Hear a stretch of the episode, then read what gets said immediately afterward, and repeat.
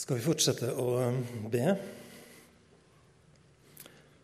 Herre, vi ber om det som vi sang nå, at det, du fortsatt kan tale til våre hjerter. Så står det i ditt ord at det, vi skal ta vare på hjertet vårt, og livet det går ut ifra det. Og Derfor så ber vi om at du taler til våre hjerter, og at livet vårt blir prega av det på en sånn måte at vi lever det ut i, eh, i hverdagen, møtet med mennesket. Ber vi her om at det, det, ord som skal bli sagt i dag, at det kan få betydning for uh, trua vår, for uh, mennesker rundt oss og for evigheten. Amen.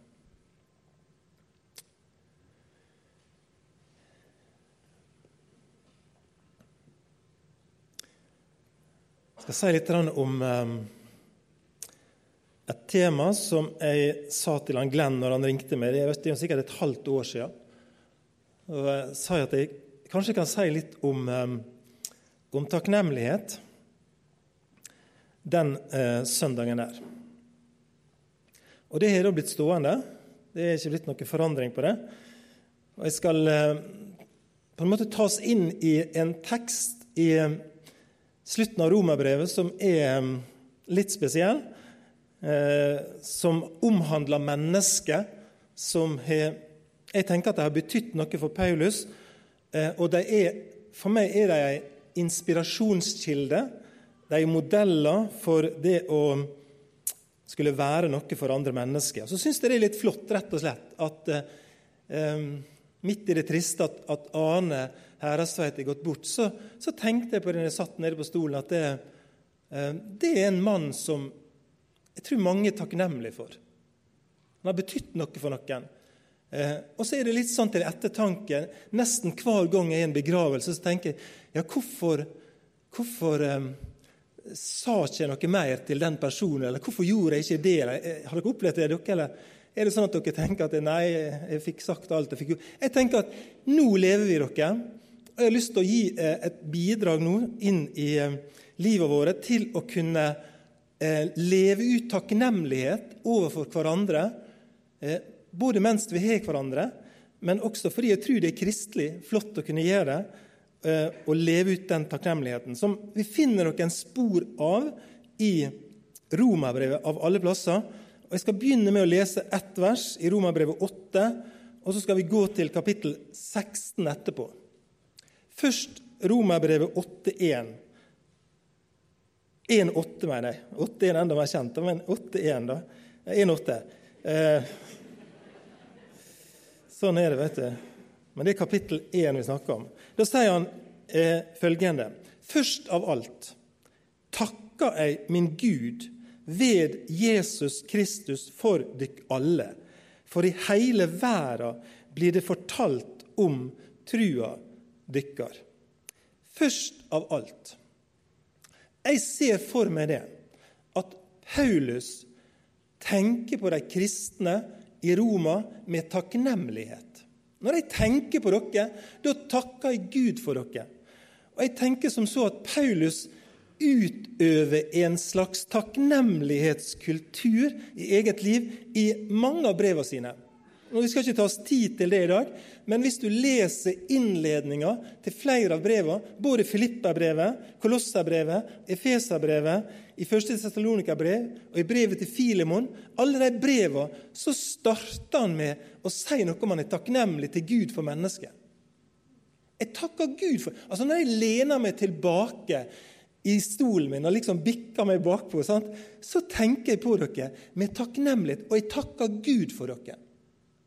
Og jeg, jeg, jeg, ber for min egen del, mitt eget liv, at jeg skal kunne utøve eh, å være et takknemlig menneske. Jeg har lyst til å være det. Jeg har ikke lyst til å ende opp som en sur, gretten gubbe på, på eh, mine eldre dager. Jeg har, lyst til jeg lyst til å leve ut takknemlighet fordi jeg kjenner at jeg har så mye å være takknemlig for. Og jeg har lyst til å leve ut takknemlighet i møte med mennesker. Og jeg tenker at Det er en kultur som jeg tenker må være god å ha i et fellesskap. I en familie og i et fellesskap. Det å tenke 'Jeg takker Gud for deg'. Når jeg tenker på deg, så takker jeg Gud for deg. Vi er ikke enige i alle ting. Kan hende dere ville hatt litt lysere eller litt mørkere eller litt annen farge på gardinene. og type sånn. Vi er ikke enige i alle ting, men jeg takker Gud for deg. Og Hvis du ser det litt rundt nå Du kan gi det fysisk hvis du vil, da, men her er altså mennesker som tror på Jesus. Som har gått over fra døden til livet. Som har sagt 'Jesus, jeg vil ha med deg å gjøre'. Og Jeg ønsker å delta i dette, fellesskapet, være en del av dette fellesskapet. Og Jeg kjenner på en djup takknemlighet og kanskje kjenner jeg på det enda mer etter jeg slutta i Betlehem. Jeg er takknemlig for å kunne få komme hit, være her, en del av fellesskapet. Takknemlig for de som stiller seg fram og formidler Guds ord gjennom sang og tale. Takknemlig for disse her folka som går opp og har søndagsskolefunksjon. Jeg kjenner på en takknemlighet. Og Jeg ønsker å uttrykke det, og jeg ønsker å hente en inspirasjon i Skrifta eh, rundt det. Paulus, når jeg tenker på dere, når jeg ber for dere, da takker jeg Gud for dere. Og Jeg syns det er utrolig flott. Og Så kommer vi til Romerbrevet 16. og Det er et litt spesielt avsnitt. Noen av dere har sikkert lest det mange ganger, noen har kanskje ikke lest det så mange ganger. Men på slutten av romerbrevet så ser jeg for meg det at de mennesker som Paulus takker Gud for, de nevner han på navn. Mange av dem. Og hvis du leser det, Nå skal ikke vi lese gjennom alle, alle versene. Det er en endeløs rekke av navn på personer. Det er over 30 personer eh, som blir nevnt der. Og Vi skal ikke lese alle de navnene. Det er noen kjempevanskelige navn, men, og det er noen litt kjente navn. Men poenget er at han navngir mennesker som har betydd noe for han, eller som betyr noe for han fortsatt, og han setter ord på det. Han er ikke redd for å si noe om noen enkeltmennesker som han takker Gud for. Og Vi skal stoppe for noen av dem og hente noe jeg tenker at vi kan hente noe inspirasjon og lærdom i, fra en del av disse menneskene her. Og så syns jeg det er spennende å tenke på at Paulus aldri har besøkt denne menigheten. Han drømmer om å få komme dit, han lengter etter å få komme dit, men han har aldri fysisk besøkt dem. Likevel så har han en relasjon til så vanvittig mange mennesker. Enormt nettverk før mobiltid og snapping og chatting og tvitring og jeg vet ikke hva som ikke var kommet der. og sånt. Men han hadde en relasjon til utrolig mange mennesker. La oss plukke fram noen av dem. Jeg håper kanskje til inspirasjon og til glede for oss og til lærdom. og Kanskje vi kan tenke jeg ønsker å følge etter noen av disse folka her. Dette er bra. Vers 1-2 i kapittel 16. Vi begynner der. Jeg vil legge inn et godt ord hos dykk for Føbe, søster vår. Hun er diakon fra forsamlinga i Kenkree. Ta imot henne i Herrens, Herren som det sømmer seg for de hellige. Stå til tjeneste for henne i alle oppgaver der hun trenger hjelp av dykk. For sjøl har hun vært til hjelp for mange, også meg. Første person litt om Føbe. Noen sier at grunnen til at Føbe er nevnt som den første av personene i dette kapittelet, her, det er at hun mest sannsynlig var postbudet som kom der med dobbeltgrep om håndveska, og ned i håndveska der hadde hun brevet til menigheten i Rom. Og Så sier han noe om denne Føbe, at de skal ta imot henne. Og så sier han noe flott om hva som har kjennetegna denne dama. Han sier at hun har vært til hjelp for mange. Det greske ordet som er brukt for å være til hjelp for her, det er at hun har vært ei beskytterinne. Hun har vært til hjelp for, hun har vært ei beskytterinne for mange. Nesten som en molo som står der imot vær og vind. Nesten som en levvegg som står der, eller en vegg som er isolert imot vind og vær eller påtrykk fra noen andre mennesker. Paulus sier denne dama her, hun har stilt seg opp som en vegg. Hun har vært til hjelp for, hun har vært til beskyttelse for mange, sier han. Og så sier han også for meg. Altså Hun har betydd noe personlig for meg. Ta veldig godt imot henne, sier han. Så fortsetter han i vers 3 Hels Priska og Akvillas, medarbeiderne mine i Kristus Jesus. De la halsen på blokka for å berge livet mitt. noe ikke bare jeg, men alle de heidningekristne forsamlingene vil takke deg for. Hels og forsamlinga som kommer sammen i huset deres. Hels min kjære, Epainetos, han som er den første frukt av Kristus i Asia. Priska eller Priskilla og Kvillas det er de neste som Paulus sier dere må hilse til dem. Hils til disse to. Og De møter vi eh, bl.a. i apostelgjerningene. Priskilla og Akvillas er jo kjendiser på mange måter i apostelgjerningene. og Vi møter dem i kapittel 18. Der får vi vite litt om hvem de var, disse folka. Vers 1-3, apostelgjerningene 18. Siden tok Paulus ut fra Aten og drog til Korint. Der trefte han en jøde som heter Akvillas og var født i Pontos. Sammen med Priskilla, kona si, var han nylig kommet fra Italia fordi keiser Claudius hadde gitt påbud om at alle jøder skulle forlate Roma. Paulus tok inn hos dem, og siden de drev samme håndverket, de var teltmakere, ble han buende der og arbeidet i lag med dem. Det første møtet med Priskilla og Akvillas, og vi får vite litt forskjellig om dem. Det er et ektepar. Vi får vite at Akvillas er jøde. Vi får vite hvor han er født hen. Vi får vite at de har flykta fra Roma. altså De kom direkte fra Roma, ikke fra en, en sånn langhelg byferie, men de er blitt fordrevne, står det. Vi får litt historie. Eh, fordrevne av keiser Claudius, som har sagt at alle kristne skal forlate den byen. Og nå er de tilbake igjen. Helt tydelig. Nå er de tilbake igjen, men de er altså blitt fordrevne. Og så har Paulus hatt noe med dem og gjort i en fase i livet. Hvis vi fortsetter å lese apostelgjerningene 18, så får vi vite litt mer om disse folka her.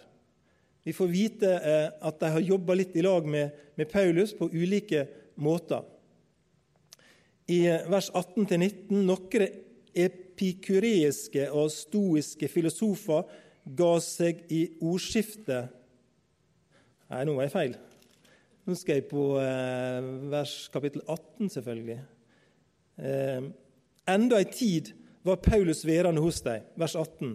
Så sa han farvel til brødrene og segla til Syria sammen med Priskilla og Kvillas. Men først klippet han håret i Kenkre, for han hadde bundet seg med en lovnad.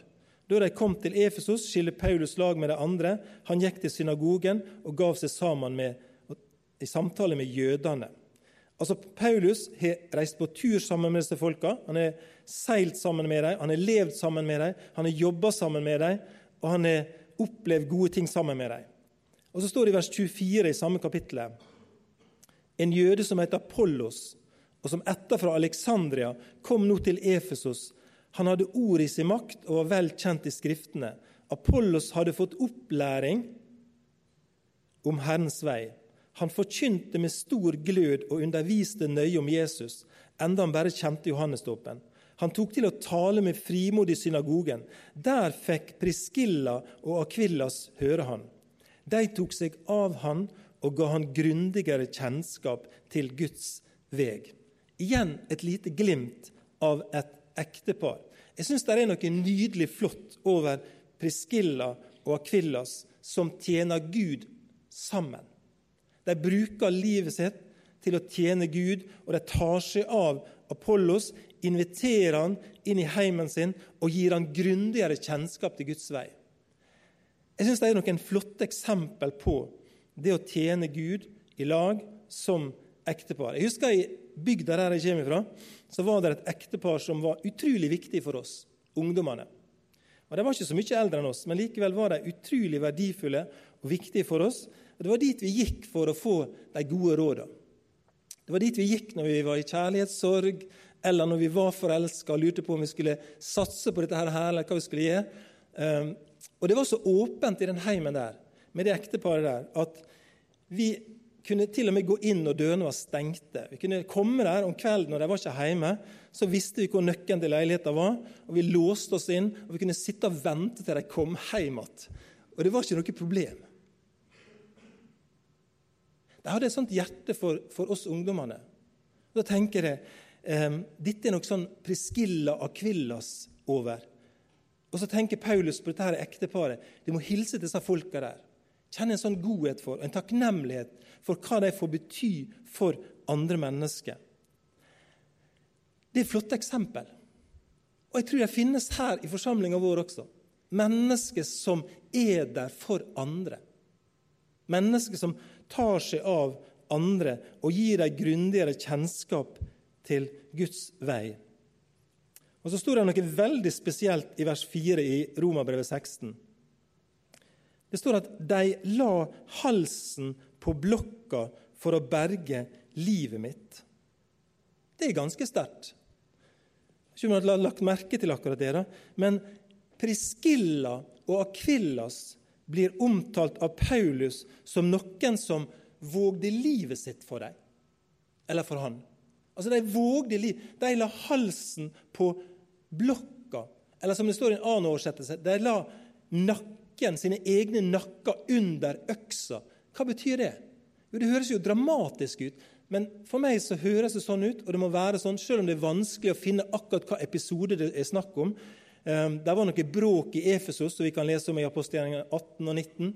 Men hvor tid dette skjedde, det vet ikke vi helt. Men Priskilla og Akvillas de har lagt halsen på blokka for å berge Paulus. Og Jeg synes det er helt svært å tenke på at det, Er det rart han takker Gud for disse folka her?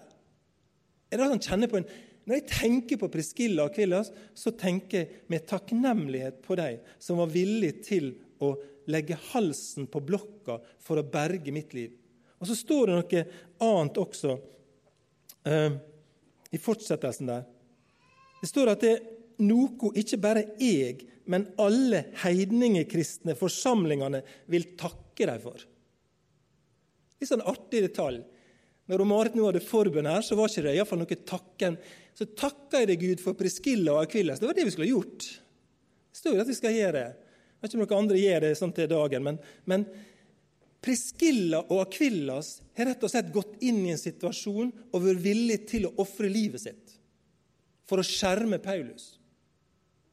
Og Hvis vi tenker det store bildet Paulus som ble hedningene sin apostel Der er vært noen som har skjerma han på en sånn måte at han kunne fortsette.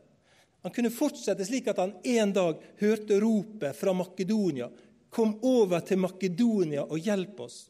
Han kom over til Europa. Han kunne fortsette som hedningene sin apostel. Og midt i den tjenesten som han har stått i, så er det vært noen som er villig til å ofre livet for ham.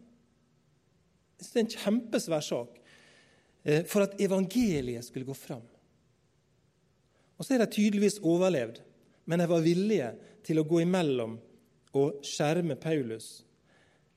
Det er spesielt, men det er en grunn til takknemlighet inn i Paulus sitt liv. Sånn kjenner han på det. Er vi sånne som kan gå imellom av og til? Er vi sånne som kan være villige til å ofre noe for andre mennesker? For at de skal stå i sin tjeneste, for at de skal utføre sin tjeneste. Kanskje Gud kaller noen av oss til i spesielle situasjoner og gjør akkurat det.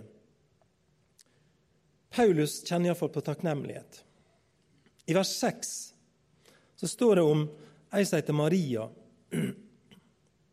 Hils Maria, som har arbeid og slete så mykje for dykk. Er ikke det fint sagt?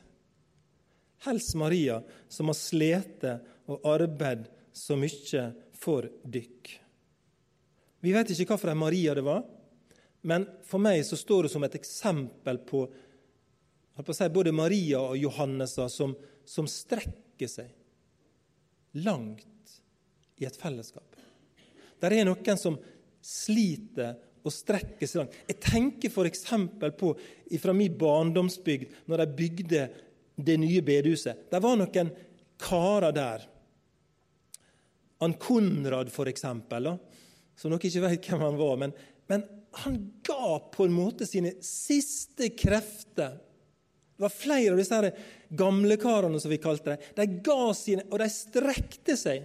De strekte seg for å bygge dette huset. De har slitt og streva så mye. Gikk der trufast år etter år og bygde dette huset, time etter time. Og stupte nær sagt i seng som en, som en sliten slåttekar på slutten av 1900-tallet, etter å ha gitt det de hadde. Der er noen som har slitt. Der er noen som har streva for det kristne fellesskapet. Og Paulus tenker på Maria der han sitter og skriver brev til romerne og sier at dere må, må hilse til denne dama her. Hun har strekt seg langt for dere. Hun har slitt så mye for dere. Et eksempel på mennesket som vi kan utøve takknemlighet overfor. Tenker du på noen? Er det noen som du kjenner det at det, eh, vedkommende har strekt seg langt i tjeneste for fellesskapet eller for meg? Strekt seg langt. I vers 7 så dukker det opp en som heter Andronikos og Junia, som er landsmennene mine og fengselskameratene mine. Står det. Landsmennene og fengselskameratene mine de har et godt navn mellom apostlene, og de kom til tru på Kristus før meg.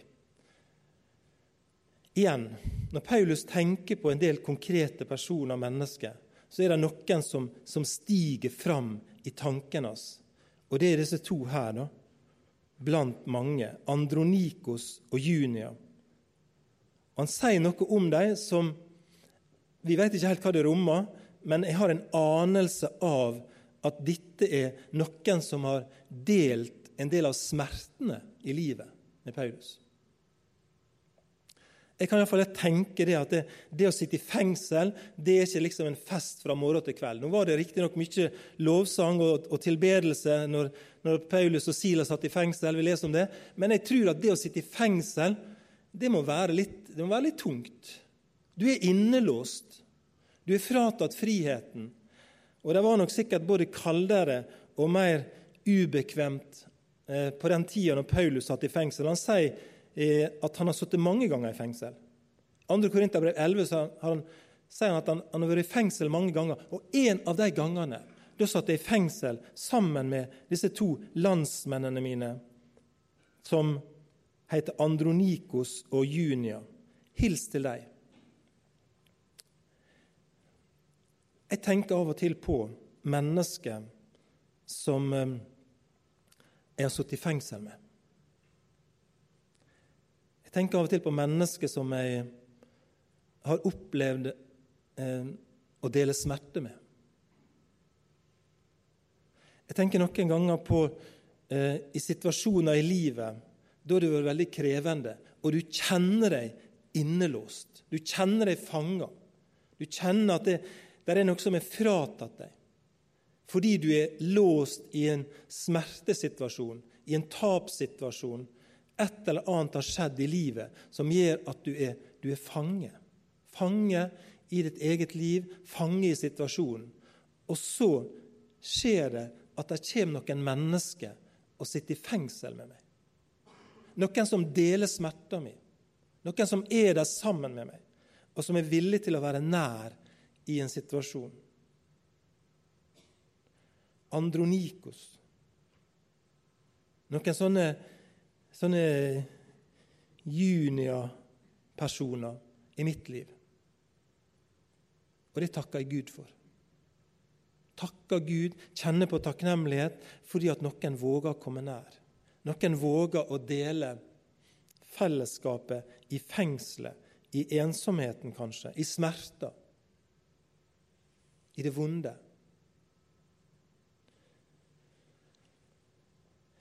Er vi sånne mennesker? Er vi sånne mennesker? Um, har vi sånne mennesker? Og er det noen vi kunne uttrykt takknemlighet for at de fikk høre det i, annen, i et eller annet uttrykk i livet vårt? Jeg har noen fengselskamerater. Og Så står det at de ble kristne før Paulus. Det er en sånn bitte lita opplysning. Men det viktige tenker jeg, når han tenker på disse menneskene, her, det er at de er gått inn i smerte sammen med han. Paulus kjenner på takknemlighet. Der er noen som har strekt seg langt. Der er noen som har vært villig til å legge halsen på blokka. Der er noen som har, har vært en beskyttelse, en omsorg i livet. Der er noen som har sittet i fengsel sammen med han. Han, han kjenner på alle, alle, disse situasjonene i livet. Da har det vært noen.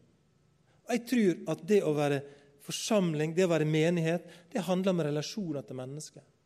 Det handler om å ha noen sånne, og være en sånn sjøl i en familie og i et fellesskap. Så står det om en kar som jeg er blitt litt sånn fascinert over. da. I, um, I, vers 13 Her er jo forskjellige som kommer nedover med både Tryfena og Tryfosa og, og Persis og veldig mye sånn forskjellige navn. Og Det kan jo være tips noen som tenker hva skal vi kalle våre barn. Sant? Det er utrolig mange, utrolig mange eh, flotte navn som er lite brukt, vil jeg si, egentlig. Um, og I vers 13 så står det Hels Rufus, Herrens utvalgte, og mor hans. Hun har vært ei mor for meg òg. Jeg syns det er så fint, på en måte. Hæ? Hels Rufus. Jeg syns det høres ut som et kattenavn, men det er helt sikkert det, det, det er nok ikke det. Det er ikke det. Men Rufus eh, sånn, sånn hverdagslig Det er nesten sånn som vi kan si sjøl. Du må hilse han, og så, og så må du hilse mora di. Helt sånn naturlig. Eh, og så ligger det noe djupt under det. Og Noe av det flotte med han Rufus da, Nå skal vi få se en sånn bitte liten sak som, som eh, jeg sier det kan være sånn. Og Jeg syns den er, den er usedvanlig oppbyggelig, den tanken jeg skal servere nå. Jeg må bare få lov å si det. Jeg syns den er usedvanlig oppbyggelig. Fordi han Rufus, da eh, Hvem er han? Jo, Det vet ikke vi helt. da. Men hvis vi blar til Markusevangeliet kapittel 15 og vers 21, eller fra vers 20, Markus 15, 20. Da er vi inne i den scenen når Jesus er på vei til korset.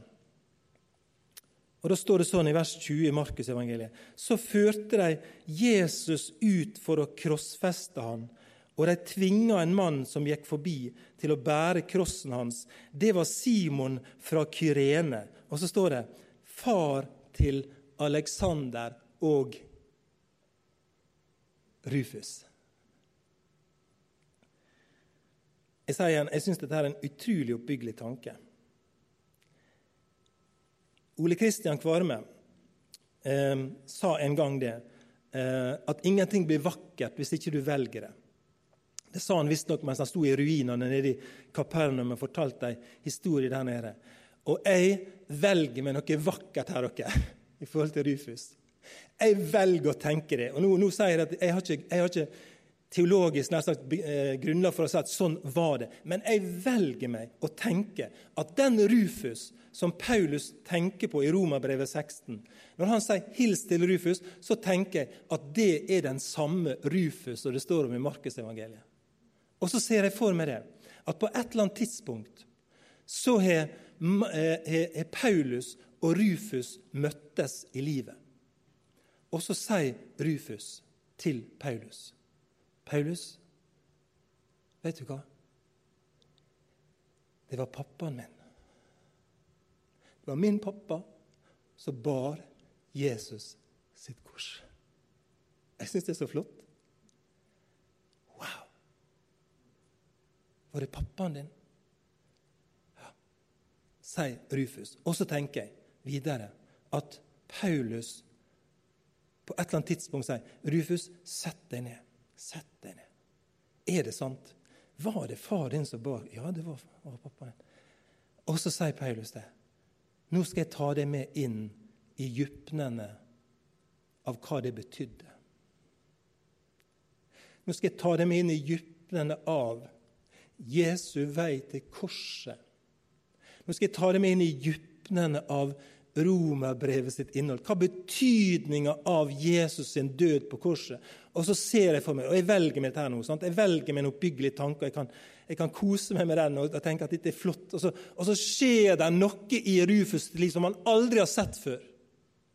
Men han ser på en måte det at en ting var at faren bar tverrbjelken til Jesu kors, men hva det virkelig betydde, det ble åpenbart i et møte mellom Paulus og Rufus en eller annen gang Der får Paulus se evangeliet og møte Jesus. Er ikke det en fin tanke? Eller var ikke det? Jeg syns den er fin. Jeg syns den er fin. Eh, og så sa han du må hilse til han Rufus. Jeg har et sånt hjerte for han, og jeg er så takknemlig når jeg tenker på Gud på han karen der. Du må hilse til han Rufus, og så må du hilse til mora hans. Og så sier han én ting til. Hun har vært ei mor for meg også. Og igjen, dere Altså, Jeg kunne sagt han Bjørn. Bjørn, eller Du må hilse til Bjørn, kunne jeg sagt. Og så må du hilse til mora di. Du må hilse til Berit, som sitter her nå. sant? Og så kunne jeg sagt hun har vært ei mor for meg også. Og så sier noen ja, men er jo det, da? Hun er ikke for mor for deg. Jo, på en måte er hun det. Jeg kunne sagt om mange av dere som sitter her. Fordi dere har betydd noe for meg i en eller annen situasjon. Spurt etter ungene mine, sagt dere be for meg. Sagt noen gode ord til meg. Vist omsorg på en eller annen måte. At jeg kunne få sette meg ned og hvile meg litt. Kjenne på en omsorg. Du har vært en mor for meg. Og jeg kunne sagt til andre du har vært en far for meg. Du må hilse til han, og så må du hilse til far din, fordi han har vært en far for meg. Hun har vært en mor for meg.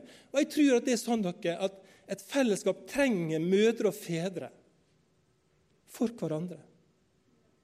Og det skaper en takknemlighet å vite det. Der er noen som er mor for meg, der er noen som er far for meg.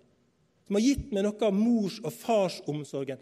Og I senere tid har det vært en del fokus på det. Unge mennesker som roper etter mødre og fedre roper etter åndelige mødre og fedre. Unge mennesker. Vi trenger dere, sier de. Det er faktisk slutt litt på den tida der ungdom ikke vil ha med voksne folk å gjøre. De ønsker å ha med oss å gjøre.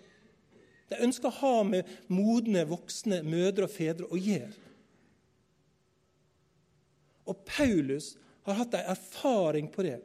At denne mora, kona til han Alexander Nei, ikke Alexander, men, men han Eh, som Simon fra Kyrene, han som bar korset. Altså, Kona hun har vært ei, ei mor for meg på noen områder. Og det trenger vi i vår tid. Og jeg kjenner på takknemlighet. Jeg har lyst til å takke Gud for kan se liksom på litt forskjellige folk at jeg kjenner på takknemlighet. Når jeg tenker på dere, da takker jeg Gud for dere. Da takker jeg Gud for dere. Ingen hemmelighet at jeg har sagt dette til studentene på Bildøy. Sondre han sitter på nest bakerste benk her borte, og jeg har hørt dette før. Da. Og det, Sånn er det bare. Det er ikke mulig å si noe nytt eh, hele veien. Da. Men Sondre sa du, vi har vært med på dette før. Og når vi var ferdig med å, å, å, å si noe i undervisninga, så, så sa jeg at nå skal dere få litt tid, og så skal dere få lov å skrive en hilsen til noen som har betydd noe for trua deres, som dere kjenner på takknemlighet for. Så har de stensilert opp noen sånne lapper, eh, og så kunne jeg få lov å skrive håndskrevne lapper. dere. Eh, og så sa jeg det, nå skal du få konvolutten, jeg skal spandere portoen på deg, og så kan du få skrive ei hilsen til noen som har betydd noe for trua di, som du er takknemlig for. Og så begynte de å skrive. Og noen sendte til ei bestemor. Noen sendte et takknemlighetsbrev til en misjonær som nå er nede i Etiopia noen sendte til en venn, til en søndagsskolelærer, til en folkeskolelærer, til en barneskolelærer, eller hvem det var. En nabo. Og de skrev takknemlighetsbrev til mange.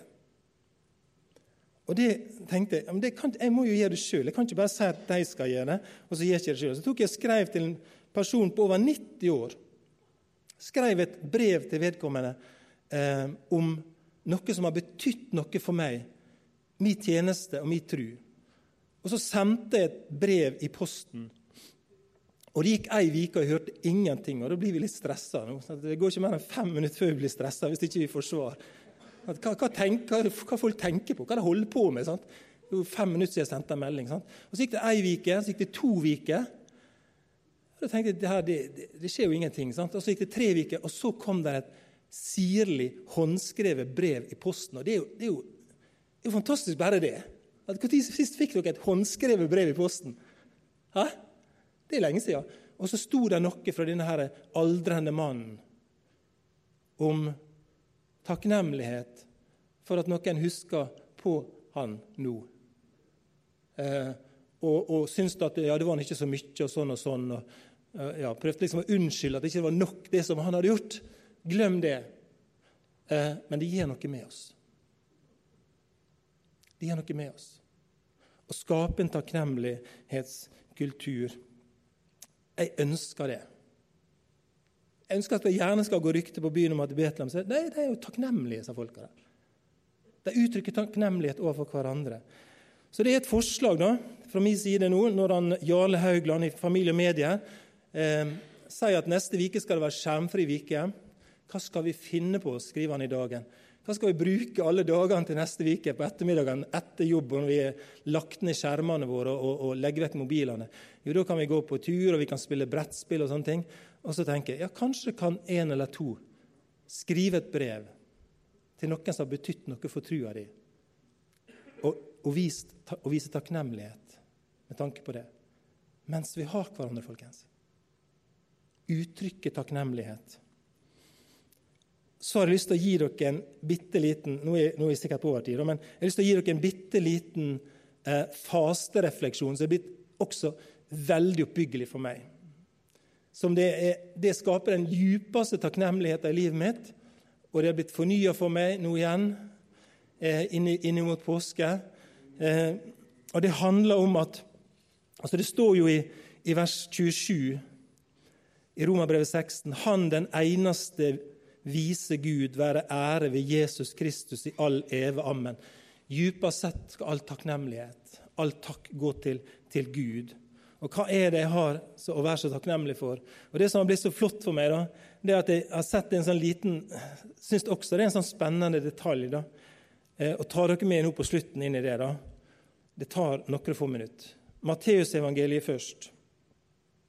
Det har jeg lyst til å gi dere som en sånn Det går gjennom å, å bruke litt tid utover fram til påske og reflektere litt ekstra over den. Det står i kapittel 27 i Matteusevangeliet, kapittel 27 og vers 28. Der står det sånn om Jesus. De kledde av han og hengde på han ei skalaksraud soldatkappe. De kledde av han og hengde på han ei skarlagsraud soldatkappe. Og så går vi til Johannesevangeliet. Dette her er en refleksjon, da. sant? Johannesevangeliet, kapittel 19. Vers 1. Pilatus tok nå Jesus og lot dem piske han. Soldatene fletta ei klungerkrune og sette på hovedet hans, og hadde på han ei purpurkåpe.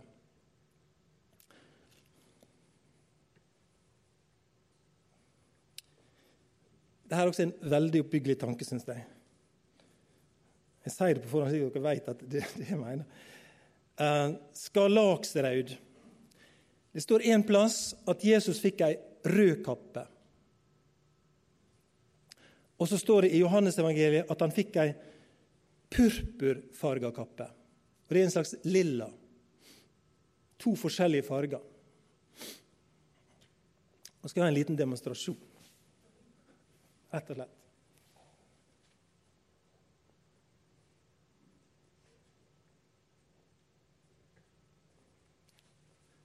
Jeg tror jeg tar slipset med.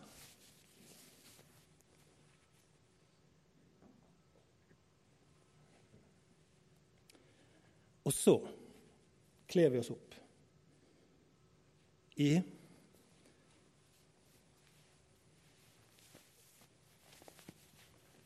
Jesus ikler seg ei rød kappe. Ja, skal vi se. Så går vi til profeten Jesaja. Og Her er noe kjempespennende, syns jeg. Profeten Jesaja vers 18 i første kapittel. Hør hva det står. Kom, la oss gjøre opp vår sak, sier Herren. Om syndene dykkar er som purpur, skal de bli hvite som snø. Om de er røde som skalak, skal de bli hvite som ull. Jeg kan ikke skjule at jeg er begeistra for um, denne tanken her også. Når Gud skal beskrive synda sine farger Jeg lærte jo på søndagsskolen at syndens stygge, svarte flekker fylte hjertet mitt. Når Gud skal si hva farge det er på synda, så han den er lilla, og den er rød. Og så ikler Jesus seg Følg med på den tanken nå. Han ikler seg synda sine farger. Jesus ikler seg det røde og det lilla. Nå kunne vi beskreve alt som ligger rundt det, men det er som om Jesus tar på seg all rød, alt blodsynd, alt som finnes. All synd gjennom alle tider. Så kler han det på seg. Så kler han på seg det lilla, det purpurfarga.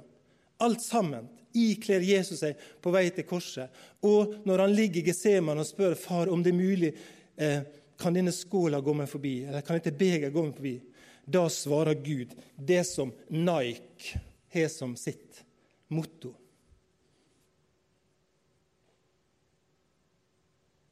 Når Jesus sier 'Kan dette gå meg forbi?', da svarer Gud 'Just do it'. Just do it. Ikle deg det røde, ikle deg lilla, og gå til korset med det. Om våre synder er som purpur, skal de bli hvite som snø. Om de er røde som skalak, skal de bli hvite som ull. Jesus ikler seg synderaket. Det er det største takknemlighetstemaet tema som fins. Kan du få grunde litt på det. Så går han opp til korset.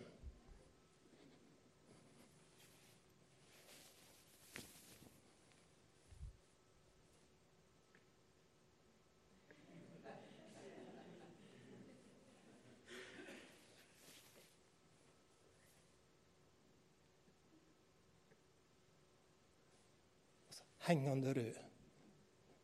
Det lilla til korset. Og så skal dere få være hvite som snø. Det er min største takknemlighetsgrunn.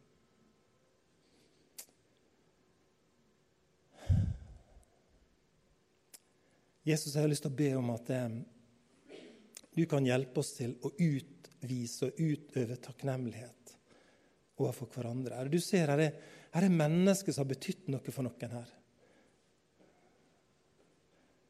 Jeg ber om at vi kan få lov til å, mens vi lever, sette pris på hverandre. Uttrykke takknemlighet for hverandre. Vise omsorg for hverandre. Og Hjelp oss, Herre, til å være sånne som vi har snakket litt om. Være noen som kan, kan være en levegg for noen. Være noen som kan sitte i fengsel med noen når de har det vanskelig. Gråte med noen, Herre.